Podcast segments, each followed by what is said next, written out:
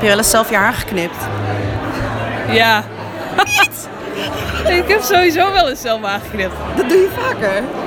Nee, ik heb het ooit als kind gedaan. Heb ik echt een veel te korte pony geknipt. En daar heb ik echt enorm spijt van gehad. Want? Want het was veel te kort. Maar hoe oud was je? Liep je dan al voor gek? Had je dat al door? Schaamde je je al? Ik schaamde me heel erg. Ja, ik heb een soort van haarband toen omgedaan. Waardoor het zo naar achter zat.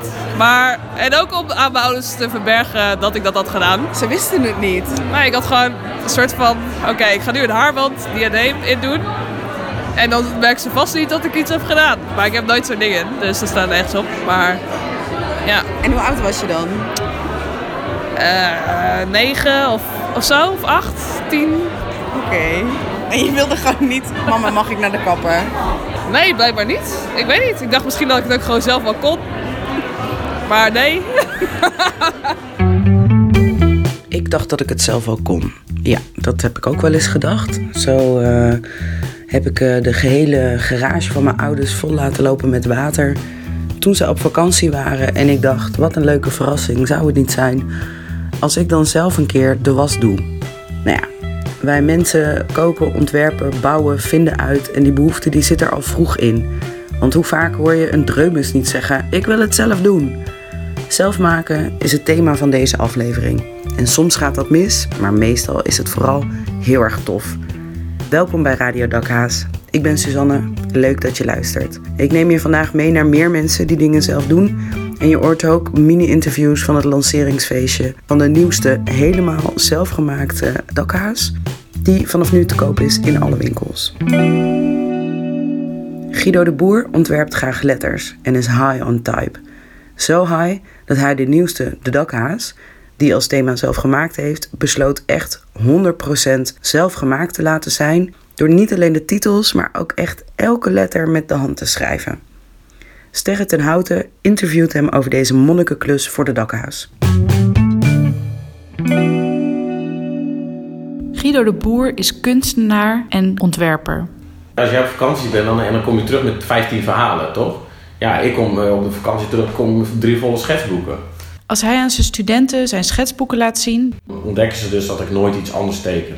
Mensen vragen me, ben je niet een keer die letters zat? Nee, maar volgens mij gaat het juist heel erg over dat je juist verder wil. Juist verder de diepte in, in plaats van van alles proberen. Ik ben helemaal niet geïnteresseerd in van alles proberen. Ik ben geïnteresseerd in het uitdiepen van mijn eigen fascinaties en mijn interesses. Kun je nagaan hoe abstract een visuele afspraak is van een letter. Net als dat een, een symbool kan heel veel betekenen. Een letter kan, een A kan er ook op miljard manieren uitzien.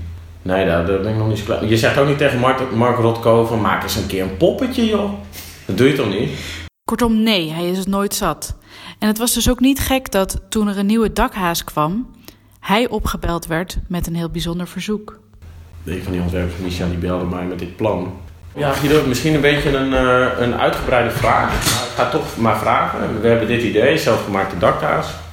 Komen allemaal illustraties en dergelijke. Dus we willen heel graag dat, die titels allemaal handgeschreven zijn. Maar ja, dat zijn er wel een hoop. Zou je daarvoor openstaan? Het is allemaal pro bono, dus ja, dat kost een hoop van je tijd. Eh, dus dat moet je wel echt willen. En eh, toen, tijdens dat gesprek, zei ik: Oké, nou, eh, ik, was, ik was een beetje sceptisch over dat hij. Of niet sceptisch, maar meer een beetje kritisch. Van ja, als je een claim maakt, dan moet die kloppen. Dus als iets zelf gemaakt is, maar vervolgens is eigenlijk het belangrijkste van het magazine, de lopende tekst, is nog steeds gewoon gezet met een computer. Dan kun je die claim eigenlijk helemaal niet maken. En ik hou er wel van als een claim, als je dat kunt, echt kunt maken, als je dat waar kunt maken. Dus tijdens dat gesprek zei ik dat. En toen, tijdens dat ik het uitsprak, dacht ik: eh, Oké, dit is wel. Als je dat zegt, dan moet je dat ook wel doen. Maar wat heeft dat voor consequenties? Toen ben ik, heb ik de telefoon opgelegd, ben ik gelijk gaan rekenen. Een testje gemaakt. Oké, hoeveel tijd kost dit eigenlijk? Nog een paar keer over te getwijfeld, maar toen was het wel zo van ja, we moeten dit wel gewoon gaan doen. Dus toen hebben we ook praktisch gewoon gekeken, maar wat, wat voor proces is dat dan ineens? Normaal gesproken zet je mensen aan het werk, dan leveren alles in, dan gaat het naar het drukken en dan is iets klaar. Dus wij hebben op dat moment, dat hebben we zo voor deze groep mensen hebben we dat naar voren geschoven. Voor deze drukker mensen hebben we het naar achteren geschoven. En toen had ik vier weken om dat te doen. En dus schreef hij de 160 pagina's met de hand uit. Hij deed er bijna 70 uur over. Je bent niet alleen aan het werk, je bent ook smiddags dat je nadenkt. Oh ja, vanavond zit ik weer vijf uur te schrijven. Dus je bent er natuurlijk nog veel meer mee bezig. Maar al die tijd samen ben ik natuurlijk wel aan het nadenken geweest over wat de fuck eigenlijk aan het doen ben. Het is echt iets raars om te doen. Um, dus ik heb voor mezelf soort van moeten verantwoorden van uh, ja, waarom doe ik dit dan? En dan had ik daar wel een goed antwoord op. Maar als het op een gegeven moment als dingen pijn beginnen te doen en, of, uh, weet ik veel, uh, ik zit een heel weekend tijdens de guest dat ik overdag zat te schrijven. Ja, dit is echt, waarom doe ik dit? Het goede antwoord is eigenlijk iets waar ik heel erg achter sta. Is dat ik de mensen wil laten zien hoeveel tijd, moeite, aandacht, liefde er normaal gesproken, dus ook in een ander magazine, in tekst zit, in letters, in opmaak, al die zaken. En dat is iets wat, als dat goed is gedaan, normale mensen niet voelen of zien of merken. Als jij de Harry Potter leest, dan denk je niet, ah, verrek, wat een fijn boek. Hij is zo fijn, die interlinie, dat hij net 1.2 is. Dat dus, als het goed is, merk je het niet. En nu merk je het dus wel, omdat elke letter is geschreven. Dus mensen voelen die pijn. Mensen zien ook dat het op een gegeven moment slordig wordt, dus een keer op een pagina. En um, dat, vind ik heel fijn dat ik dat aan mensen zoiets kan geven. Mensen zien dat, krijgen beetje in de handen en denken: verrek, zo heb ik er nog eigenlijk nooit bij stilgestaan. Dat is allemaal door mensen gemaakt. En dat is natuurlijk voor mij zo, maar dat is ook voor alle illustraties die erin staan. Dus dat is een beetje het antwoord. Maar dan goed, dan af en toe gaat het dan gewoon knagen. Van, hoezo komt dat niet anders? Of je kan gewoon een lettype gebruiken kan ook een lettertype gebruiken wat lijkt op handschrift. Die zijn er ook. Dus het is meer een soort van uh, statement. En cynisch mensen zouden denken, wat, wat een hoop gedoe voor niks. Ja, zeker. Ja, ja. Dat vind ik prachtig. Dat, dat, dat daar zo'n verschil in opvatting in kan zitten. Dat ik daar helemaal in geloof. Dat ik dat voor mezelf rond kan breien. Dat ik zo'n 70 uur besteed aan iets wat voor iemand anders zin, een zinloze exercitie is. Dat vind ik prachtig. Dan, en ook, juist, want dan stel ik zou, zo iemand tegenkomen volgende week of een andere keer. Die, bijvoorbeeld het Pijper, de, winkel, die heeft een, eh, een artikel. Nou, die komt daar misschien op de balie te liggen. Dus komt hij ook bij. Ja, vanaf dat moment kan hij ineens bij iedereen komen. Niet alleen bij mensen die begrijpen wat tekst en, en typografie en illustratie is. Mensen die denken, hoezo doet die jongen dat 70 jaar? Kan toch ook uh, televisie gaan kijken? Maar ik denk dat aandacht is het vehikel van liefde. Dus als, als je ergens van houdt, van iemand of van iets, dan geef je het aandacht. Dat is eigenlijk wat ik nu laat zien. Ja, die mensen, ik ben benieuwd of ik, of, of ik iets kan geven.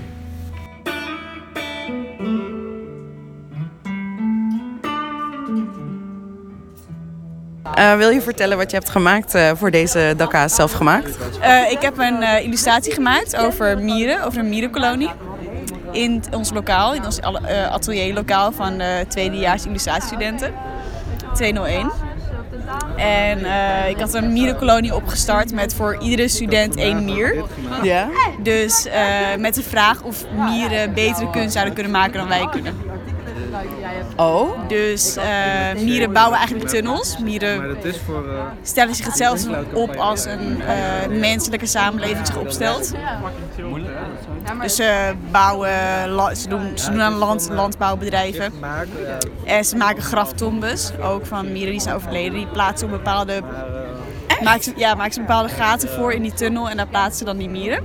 Ja, het is echt super fascinerend. En is het daar dan ook een ritueel aan vast? Nee, geen ritueel, maar het is gewoon meer de handeling die ze doen van dat ze er een bepaalde waarde aan hechten, wat ik interessant vond. Dus vandaar, vanuit dat principe ben ik gaan werken en gaan denken van oké, als ik stel ik heb voor elke student in ons lokaal heb ik één mier. Zouden die mieren dan op een gegeven moment een, een beter kunstwerk kunnen maken met die tunnels dan dat wij kunnen met onze illustratie? En wat was je conclusie? ik ben nu drie dagen bezig. Nou, ik denk uiteindelijk dat, het, dat ze wel op de een of andere manier betere kunst kunnen maken dan wij kunnen. Want wij zijn heel erg bezig met een bepaalde stijl. En door onze studie heen zijn we heel bezig met onszelf ontwikkelen. En zij krijgen die stijl mee vanuit natuur eigenlijk. Dus net als wij waren als holbewoners eigenlijk, dat we grottekeningen maakten. Bij dat principe zijn zij nog steeds. Dus ik denk dat ze op een bepaalde manier wel een hele interessante manier hebben van hun eigen kunst maken. Oké. Heel diepgaand. Ja, top. Nice, thanks. Iemand die nieuwsgierig is en zelfs misschien wel voor dokter wil spelen, is Jelle de Korte. Blijft hij zijn voorgeschreven medicijn voor ADD nemen of kan microdosering wat voor hem zijn? Luister naar zijn onderzoek naar wat microdosering is en wat het kan doen. Ik ben een gediagnosticeerd ADD'er. Ik ben snel afgeleid, kan me vaak niet goed concentreren of de motivatie vinden om de dingen te doen die ik moet doen. Ik heb een recept voor Ritalin en ja, dat helpt wel. Maar ik voel me vaak toch niet heel lekker als ik het gebruik. Nu hoorde ik het gerucht dat microdosen, een kleine dagelijkse inname van psychedelica, eigenlijk ontzettend goed helpt tegen mijn kwaaltjes. Nou, ik vind het zelf een beetje vreemd, maar ik ben wel heel nieuwsgierig. En ik wil hier meer van weten. Nou, voordat ik nu naar de Smartshop ren voor een hoop truffels, ga ik eerst in gesprek met Jacobien van der Weijden. Zij is oprichter van het grootste online platform over microdosen. Ze houdt nauwlettend alle onderzoeken in de gaten en kan mij alles vertellen over de voordelen, maar ook over de risico's van microdosen. Wat is microdosen? Wat doe je dan? Je neemt kort gezegd tussen 1 twintigste en 1 tiende deel van een normale dosis psychedelica. En een normale tripdosis, dat is een beetje afhankelijk, want ook daar zijn gradaties in. Maar het komt er dus op neer dat je een heel klein beetje neemt. Dat kun je elke dag doen, of om de twee dagen of om de drie dagen. Daar zijn verschillende protocollen voor mogelijk. Maar de meeste mensen nemen het één keer per drie dagen zodat ze uh, hele subtiele effecten kunnen ervaren. Op de tweede dag een soort van afterglow ervaren. En de derde dag ben je weer helemaal terug naar je normale zelf. Magische paddenstoelen worden gebruikt, LSD, uh, mescaline, de werkzame stof in bepaalde cactussen. En dan iboga en ayahuasca zijn ook nog mogelijkheden. Zitten er ook nog risico's aan microdosen? Want het lijkt me gewoon wel nog steeds drugs of zo wat je inneemt. Ja, er zijn altijd risico's. Ik denk met eigenlijk alles wat we innemen en, uh, en, en, heel veel dingen die we doen zijn er risico's. Van de klassieke psychedelica is inmiddels bekend wat de risico's zijn en hoe je het veilig kan gebruiken. En tot nu toe wijst al het onderzoek eruit dat, dat, dat microdosing veilig is, zolang je ja, aan het protocol houdt. De, grootste risico's zijn eigenlijk in dat je per ongeluk iets te veel neemt en dat je dus geen microdosering, maar een mini-dosering te pakken hebt. En ja, dat kan gewoon een beetje lastig zijn uh, uh, naarmate je de dag doorgaat en moet werken of moet autorijden. Als ik dus voorzichtig ben met de dosering, dan zijn er niet zoveel risico's. Maar is het ook een goed alternatief voor Ritalin? Ik sprak hierover met David. Hij heeft neurowetenschappen gestudeerd en heeft zelf ook ADHD. Hij heeft Ritalin vervangen met microdosen. Ik ben benieuwd waarom hij dit heeft gedaan. Ik dan hoor van verschillende mensen over microdosen. Dan klinkt het eigenlijk alsof microdosen een heel goed alternatief is voor methylfenidaat, voor Ritalin. Wat denk jij daarvan? Ik denk dat het nog een beetje vroeg is om te zeggen of het een heel goed alternatief is. Uh, de onderzoeken die, uh, die zijn nog lopend. Maar vanuit mijn eigen ervaringen heb ik er zeker wel veel baat bij gehad. Alleen werken ze wel op een hele andere manier als je het vergelijkt met ADHD-medicatie. Waar bijvoorbeeld een, een methylfenidaat of een dexamfetamine ervoor zorgt dat uh, soort van uh, eigenlijk de highs en lows van je interesse, de, de, hele erge interesse en de hele erge saaiheid ervan afgesneden worden. Wat met Ritalin gebeurt, met Ritalin vind ik dingen opeens weer interessant. Precies, de dingen die niet zo interessant zijn, alles wordt soort van een beetje een, een standaard niveau van interesse. Niks is meer heel erg interessant, maar niks is meer heel erg saai. LSD en psilocybine en andere serotonine 2A-agonisten werken op de manier dat ze je, je intrinsieke interesse in iets verhogen. Dus dingen die je aan het doen bent, worden interessanter. En zoals we allemaal weten, als iets interessant is, kunnen we ons er veel beter op concentreren. Het maakt het niet per se heel makkelijk om op hele saaie dingen te concentreren. Maar dingen die je misschien niet heel erg leuk vond, worden nu wat interessanter.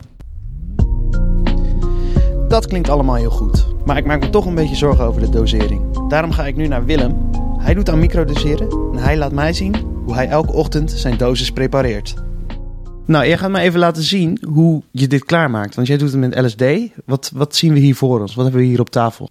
Ik heb dan een uh, flesje uh, pure druppels LSD. En ik weet de vicositeit van één druppel. Dus dat betekent eigenlijk hoeveel microgram LSD erin zit. Dat meng ik eigenlijk met, uh, met vodka. En ten eerste doe ik eigenlijk de vodka in een, in een bakje om, om daarna te kijken hoeveel milliliter dat is. Nou, dan pak ik het flesje met pure LSD. Dat doe ik met handschoenen aan, want het is best wel, eh, je hebt best wel een link. Eén druppel in een ander soort flesje. Of twee druppels. Afhankelijk van hoe sterk je het wil hebben. Hoeveel druppeltjes heb je er nu in gedaan? Ik heb er nu twee druppels in gedaan. Wat voor effect geeft dat? Is dat veel? Is dat weinig? Nou, twee druppels is eigenlijk eh, twee volledige eh, LSD-trips. Daarbij, om het te verdunnen en om te kunnen microdosen, doe ik eigenlijk wodka erbij. We hebben hier een pipet. Daar staat op eigenlijk hoeveel milliliter ik erin doe. Per druppel afgewogen hoeveel druppels er zijn. Zodat ik weet dat het twee druppels LSD op een flesje is. Dus dan pak ik mijn eh, pipet. En dan vul ik eigenlijk het flesje waarbij er twee druppels LSD al in zitten. En dan is het eigenlijk klaar. En, hoe ga, en dan neem je gewoon een slokje ervan. In het flesje zit eigenlijk een pipetje. Ja. Als je die indrukt, dan komt er in het pipetje de druppels. En dan kan je heel makkelijk per druk op het pipetje druppels zien. Ik heb het nu zo gemengd dat elke druppel is 1%, waardoor Ja. het makkelijker is om te mengen. Doe je dit dan elke ochtend? Ik doe het om de dag. Ik doe dan eh 10 druppels. is iets meer dan eh microdosing, maar dat is ook per persoon verschillend. En dat doe ik dan eh, in mijn mond. En dan hou je eventjes in je mond. Voordat ik begon aan deze zoektocht, vond ik microdosen een beetje vreemd. En dat vind ik eigenlijk nog steeds. Maar het is wel heel interessant. Misschien moet ik het maar gewoon een keer proberen. Het is wel spannend, maar wie weet heb ik hier een geweldig alternatief gevonden voor mijn medicijn. En ben ik, de volgende keer, als je mij spreekt, lekker aan het trippen. Dus jij hebt verf gemaakt? Eh, ik heb op de HQ een keer een seminar gevolgd waarbij je leerde om zelf verf te maken. En dan moest je potjes jam koken in een pot met water, want het moest hygiënisch zijn en al die dingen. Ehm, maar dan kreeg je recepten voor hoe je zelf verf moet maken. Olieverf is op oliebasis. Maar je hebt ook eh, verf die je kan maken op zuivelbasis. En dan kan je met karnemelk zuivel verf maken. Maar je kan het gewoon ook doen met yoga yoga. Dus ik heb een schilderij gemaakt met zelfgemaakte eh, verf met als basis yoga yoga. Uit een klein pakje met een. Was dat dan ook roze? Nee, want ik heb pigmenten toegevoegd waardoor het gewoon verf was. En de basis was heel mooi mat met een beetje zo dat, dat, dat, dat uitlopen. Dat je ook bij je glas karnemelk hebt, die, die, die strepen. Eh, dus als je dat veel gebruikt, dan zie je dat. En eh, hij staat nog steeds achter de kast, de boekenkast van mijn vriend. Die dat volgens mij niet weet, want daar verstop ik al mijn kunstwerken. En Moeten we dit dan wel uitzenden? Nee. Dit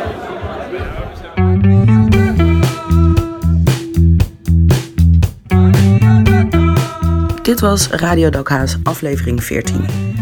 Deze aflevering werd gemaakt door Elja Loeistijn, Ties Timmers, Stijn Verkammen, Sterre ten Houten de Lange en door mij, Suzanne Thomas.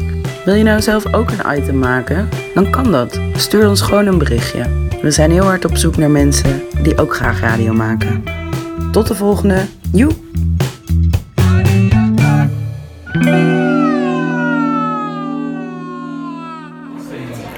Vind je dat mensen meer zelf moeten maken? Of eh, vind je het ook goed dat je al die zelfgemaakte dingen in de Ik ben supermarkt... heel erg voor zelf, eh, zelf maken. Nee, nee, ik denk wel, ik denk wel dat, eh, dat het heel leuk is als meer mensen zelf doen. Het gebeurt er nu wel. leuk? Nee, maar het gebeurt al wel, maar alleen het is gewoon net even een andere context of zo. Meer, meer zelf doen waar je gelukkig van wordt.